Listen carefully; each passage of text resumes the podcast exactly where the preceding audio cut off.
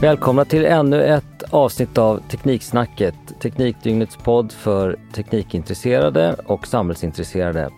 Det här avsnittet gör vi tillsammans med Saltex och vi har förutom Saltex VD Carl-Johan Linnér även med oss en väldigt spännande gäst, Thomas Kåberger. Välkomna! Tack! Tackar! Det kan ju vara så att några inte känner till dig Thomas. Vad vill du att man ska känna till om dig? Jag har hållit på att jobba med energifrågor eh, i eh, många år och jobbat både i eh, miljöorganisationer, i branschorganisationer, i företag. Jag har gjort en akademisk karriär och blivit eh, professor till slut men eh, jobbar nu ganska lite med forskning utan jobbar i Japan som ledare för ett förnybara energiinstitut. Jag jobbar som rådgivare i Kina lite grann och jag sitter i ett antal styrelser i Sverige och jobbar med eh, ett europeiskt företag som heter InnoEnergy som jobbar med att eh, föra fram nya energiteknikbolag i Europa totalt sett. Spännande. Vi tänkte vi skulle prata lite grann om en sak som du har skrivit om Thomas, nämligen i OI Financial Times, om vad vi kan dels kanske dra för lärdomar av coronakrisen och också hur vi kan utnyttja den för att eh, göra den omställningen av samhället mot ett mer hållbart samhälle och framförallt på energisidan. Vad ska vi dra för lärdomar av det här tycker ni? Ja, alltså det finns ju lärdomar av den här krisen. Det handlar ju väldigt mycket om just eh, risker för globala epidemier. Men det är ju samtidigt så att den här krisen har nu ställt till en hel del i det ekonomiska systemet och mycket orsakat av att man har varit tvungen att ta till drastiska metoder för att bromsa smittspridningen och det har påverkat ekonomin ur eh, klimathänseende så har det ju varit en kan man säga en kortsiktigt, väldigt kortsiktigt positiv effekt att vi reser mindre och därmed konsumerar mindre olja vilket ger mindre utsläpp. I flera länder där man har tagit till mer drastiska metoder har man ju också minskat den industriella produktionen och, och minskat luftföroreningarna från koleldning och sånt också. Men inget av det här kommer ju vara fullständigt bestående utan det som nu är viktigt för den framtida ekonomins effektivitet och eh, konsekvenser på liv och hälsa via miljöförstöring det är ju hur man väljer att bygga upp ekonomin igen efter den här nedgången. Och där finns det fantastiskt fina möjligheter nu att se till att när man lånar pengar av framtida generationers skattebetalare för att sätta fart på ekonomin, när man använder de pengarna på ett sätt som också gynna de här framtida generationerna skattebetalares intressen. Och det handlar ju mycket då om att se till att man tar tillfället att modernisera och, och låta gamla ineffektiva och omoderna verksamheter gå omkull och, och sluta producera medan man investerar i, i ny teknik. Och där finns det väldigt goda möjligheter just på energiområdet eftersom den tekniska och industriella utvecklingen under de senaste åren har varit så framgångsrik för förnybar energi och energilagring och överföring av el och sånt. Så det finns fantastiskt fina möjligheter just nu. Vad säger du om det Carl-Johan? Märker ni av, ni har ju kunder som står med ena foten i gammal teknik och eh, nu försöker svänga över sin verksamhet. Märker ni av någonting av de här eh, tankarna och möjligheterna? Att det finns en möjlighet här, precis som Thomas säger, att kunna göra någonting nytt. Det som jag, du frågar lite om lärdomar här i början här Mats, och det är ju jag menar, vi har ju haft många lågkonjunkturer, vi har haft finanskriser, vi har haft eh, problem. Men det har ju aldrig någonsin gått så här snabbt. Någonsin att gå från ett läge till ett annat läge. Och där har då politikerna kommit in och det är en annan fråga kanske. Man har ändå tagit ganska många beslut. Man har liksom stått upp för det här, liksom, att nu måste vi göra någonting. Och för mig bevisar väl det då att även när det gäller den omställningen inom energibranschen så går det att ta beslut. Det går att forma om inriktningen på vår energibalans. Det vi upplever nu, det har ju aldrig skett förut, nämligen att staterna runt om i världen stänger ner ekonomierna i stort sett momentant och ganska kraftfullt. Och det kommer man ju då möta med massiva stimulansåtgärder som du nämnde Thomas. Och sen ska man ju då fördela ganska stora summor pengar. Vad finns det för risker med det här och, och vad, vad tycker ni att man bör tänka på? Det finns ju väldigt stora risker varje gång de politiska systemen i världen får den här möjligheten att agera utan att eh, de normala demokratiska och juridiska kontrollfunktionerna hinner med. Och riskerna i många länder det är ju dels att de som har makten tillskansar sig ännu mer makt genom att införa speciallagstiftning av olika slag. Mm. Och sen finns det risker för ekonomisk korruption, det vill säga att man när man har den politiska makten ser till att gynna sådana som är på olika sätt närstående och gynna sig själv eller sina egna. Det finns många risker i en sån här situation av snabbt beslutsfattande. Och, och, och därför så är det väldigt viktigt att, att eh, man Eh, medialt och eh, i, i, i de partipolitiska leden nu också är aktiva i att granska hur eh, de här pengarna används. Jag sitter också med i Klimatpolitiska rådet och rådet kom ju nu under den här perioden att se just på hur de politiska fördelningarna av stödåtgärder av olika slag, hur väl de stämmer med de klimatpolitiska målen som man har sagt sig vara överens om. Så att eh, vi kommer försöka bidra med det perspektivet på granskningen. Finns det en risk för att det till och med, om man inte ser upp, får en konserverande effekt av eh, gamla strukturer?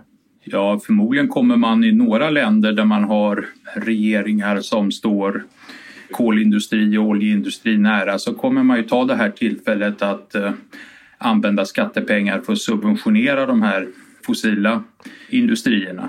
Men eh, jag tror att det kommer ju det blir ju en kortvarig effekt men det kommer vara väldigt eh, angenämt för de som har investerat i, i fossil teknik om de får den här typen av subventioner. Och det land där, där det här kommer vara mest intressant att följa nu de närmaste veckorna det är ju i i USA där eh, skifferolje och skiffergasindustrin just nu är i ett eh, mycket prekärt eh, ekonomiskt läge och där det blir väldigt spännande att se hur den amerikanska regeringen kommer att hantera det. För det är stor risk för många stora konkurser där och frågan om den amerikanska staten och skattebetalarna ska rädda företag och stödja företag där, den kommer vara väldigt, viktig, väldigt intressant att se. Sen är det ju samtidigt så att även om man inte ska stödja företag så är det väldigt viktigt i en sån här fas att man tar hand om de individer, de familjer och, och människor som riskerar att förlora sin försörjning. Där är en väldigt viktig distinktion att man, man ska ta väl hand om medborgarna men man ska inte nödvändigtvis rädda alla företag. Jag tänkte på det du sa, det finns risk för att man finansierar och subventionerar då den gamla strukturen. Min bild av det här är ju då ändå att om vi tittar på Europa så var omställningen på väldigt god väg. Jag menar, det var mindre mm. kol och det var, de flesta var olönsamma, kolkraftverken i Europa och så vidare. Tror du det finns någon risk till att man återgår, liksom att den här själva omställningen i energibranschen fördröjs eller försenas på något sätt? Totalt sett så tror jag att risken att det här ska att utvecklingen ska stoppas eller ens fördröjas, den är väldigt liten. Ja. Det är snarare så att den, det kommer vara oundvikligt att den här krisen skyndar på utvecklingen. Men man har möjlighet att skynda på den väldigt mycket och väldigt effektivt. Eller man kan eh, krångla till det och, och göra att den blir eh, onödigt dyr. Men eh, jag, jag, tycker möjligheterna överväger riskerna eh, tydligt här. Mm. Är det det här som du refererar till i din eh, debattartikel i Financial Times där du refererar till nationalekonomen Schumpeter som pratar om creative destruction? Är det det man ser hända nu när till exempel eh, man kan tänka sig att skifferoljebolagen går i konkurs i stora massor och så vidare? Ja, ja men det är ju precis det man ser. Och det gäller att låta det hända därför att det som, det som kommer att gå starkt ur en sån här kris det är ju det nya, moderna och effektiva och det är en eh, viktig positiv potential i den här krisen. Kan det finnas några motkrafter här om man, om man tänker sig att eh, vi har ett oljepris som kanske just nu ligger på spotmarknaden, kanske 20-25 dollar fatet. Oljeländerna kommer att pumpa max. Kan det här få några effekter för den här omställningen? Det är klart att när oljepriset tillfälligt är lågt så är oljan mer konkurrenskraftig än när oljepriset är högt. Men det kan möjligen påverka kortsiktig användning men jag tror inte att det kommer påverka investeringar därför att alla investerare förstår att det här oljepriset inte kommer att hålla sig.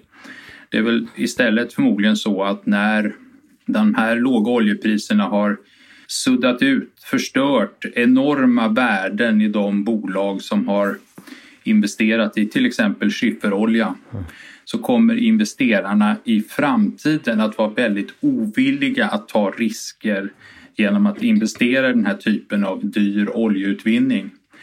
Det att man inte vill investera där det kommer i sin tur leda till att om en tid, kanske några år, så kommer oljepriset istället att vara ganska högt därför att man har svårt att få kapital till investeringar i oljeutvinning utan att det kapitalet blir relativt dyrt därför man ser stora risker. På lite sikt så kommer det här försämra oljans konkurrenskraft. På väldigt kort sikt kan det möjligen i en del tillämpningar öka oljans konkurrenskraft men jag tror att den, den konsekvensen är, är väldigt liten.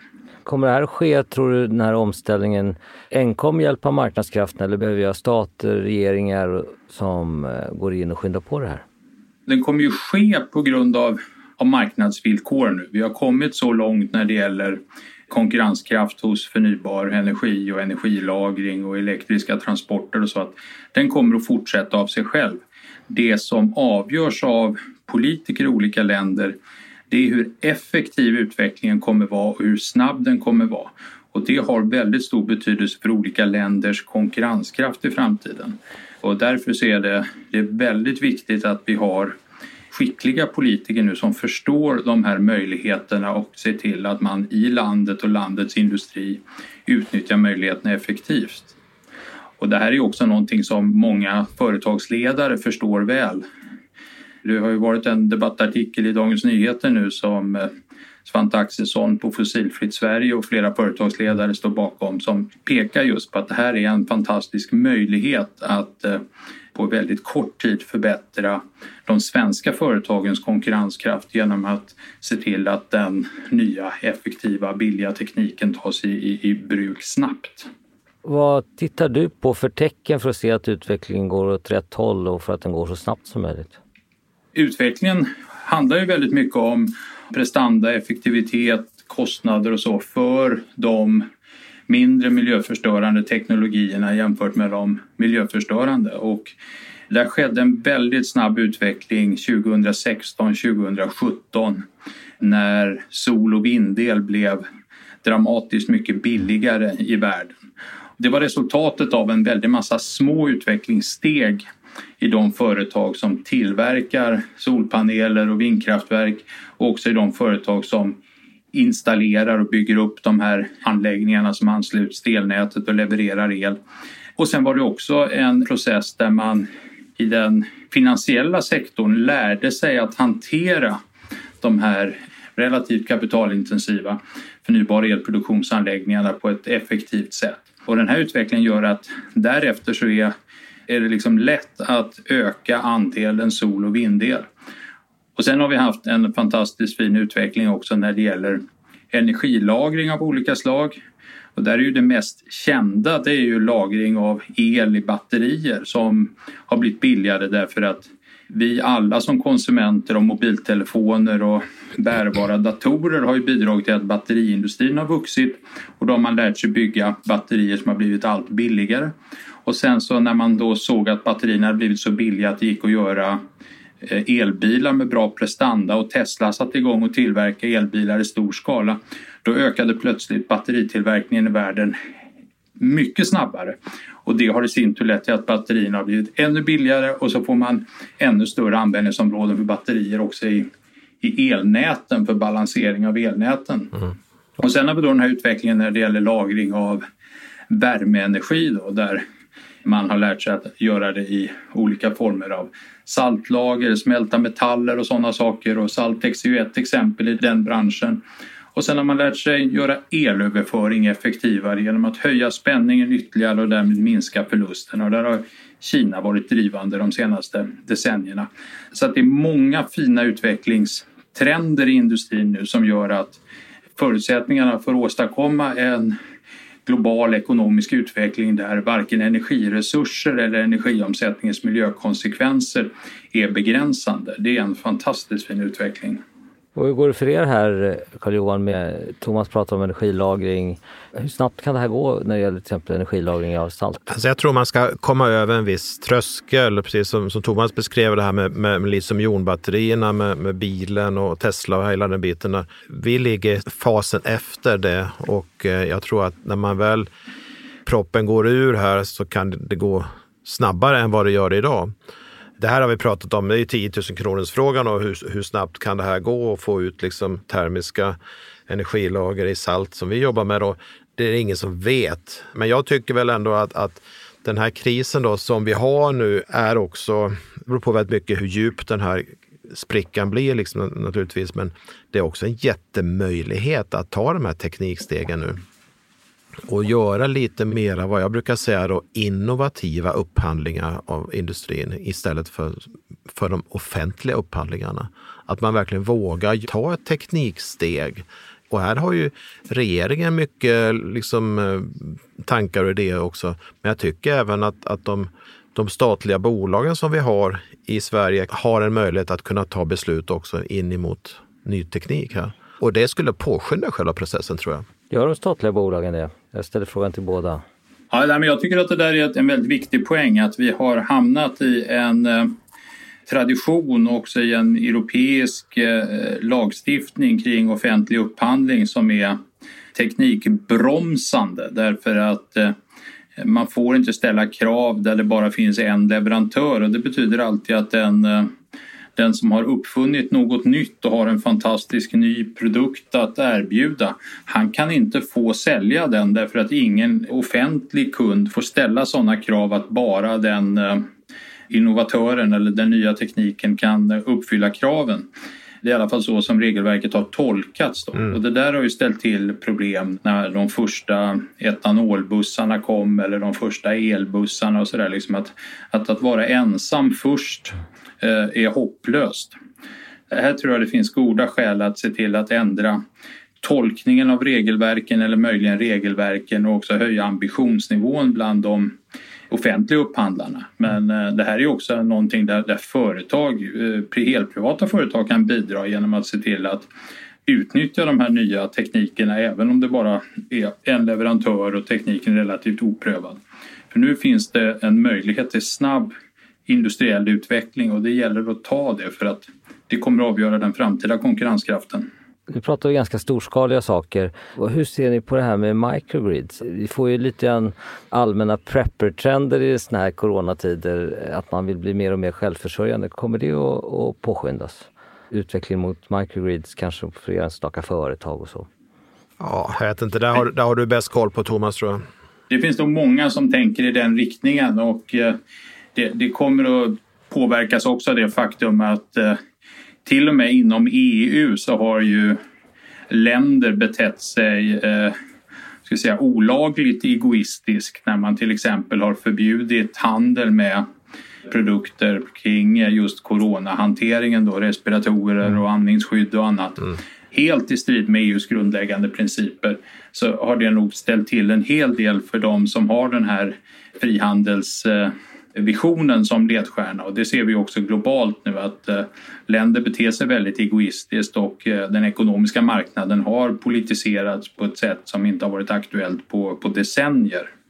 Så att det kommer nog finnas mycket eh, självförsörjnings och försörjningssäkerhetstänkande i energibranschen igen på ett sätt som det inte har gjort på många decennier den där protektionismen som du är inne på nu, ska man, behövs det några nya forum för att motverka den? Och för många av de här miljöproblemen och utmaningarna är ju mellanstatliga. Behöver vi några ytterligare forum för att hantera de här frågorna?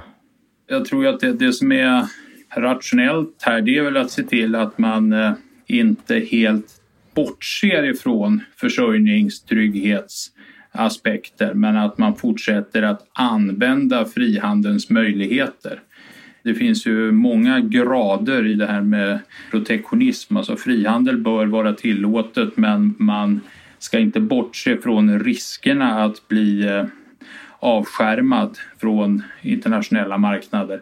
Och det gäller ju även på regional nivå. Alltså det finns ju alltid risker att eh, infrastruktursystem skadas på olika sätt och att det därför finns anledning att se till att, att livsnödvändiga funktioner kan upprätthållas även om de stora infrastruktursystemen eller världshandeln slutar fungera.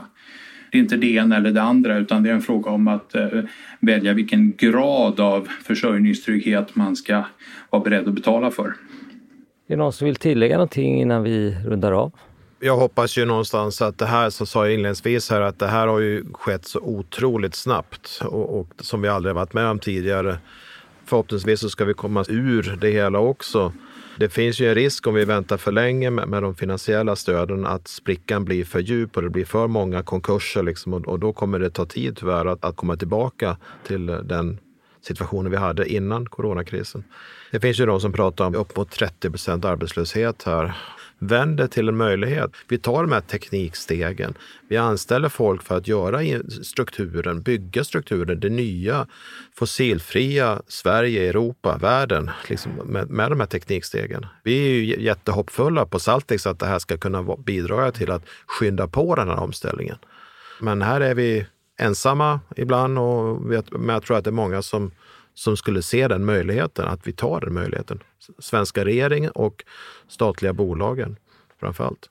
Thomas, har du någonting att tillägga? Man kommer ju inte kunna rädda alla företag i den här akuta krisen utan det gäller att på ett skickligt sätt välja vilka företag man ska rädda. Man måste rädda alla människor men man behöver inte rädda alla företag. Nej, så är det. Och sen när det gäller att sätta folk i sysselsättning om arbetslösheten har blivit hög då är det en fråga om att investera och då gäller det att på ett skickligt sätt välja rätt investeringar med långsiktig potential att skapa ekonomiska förutsättningar för de kommande generationer skattebetalare som kommer vara tvungna att betala för de här investeringarna. Mm. Så att eh, det finns goda möjligheter för skickliga politiker att göra Sverige och världen mycket bättre efter den här krisen. Och det gäller att vi bevakar hur Eh, de politiska makthavarna använder den här möjligheten. Får vi hoppas att vi har skickliga politiker. Jag ska inte be er kommentera det. Men jag skulle vilja tacka för ett jätteintressant samtal. Eh, vi avrundar det här avsnittet av Tekniksnacket där vi har haft eh, Thomas Kåberger och Carl-Johan Linnér som deltagare och det här avsnittet har gjorts i samarbete med Saltex.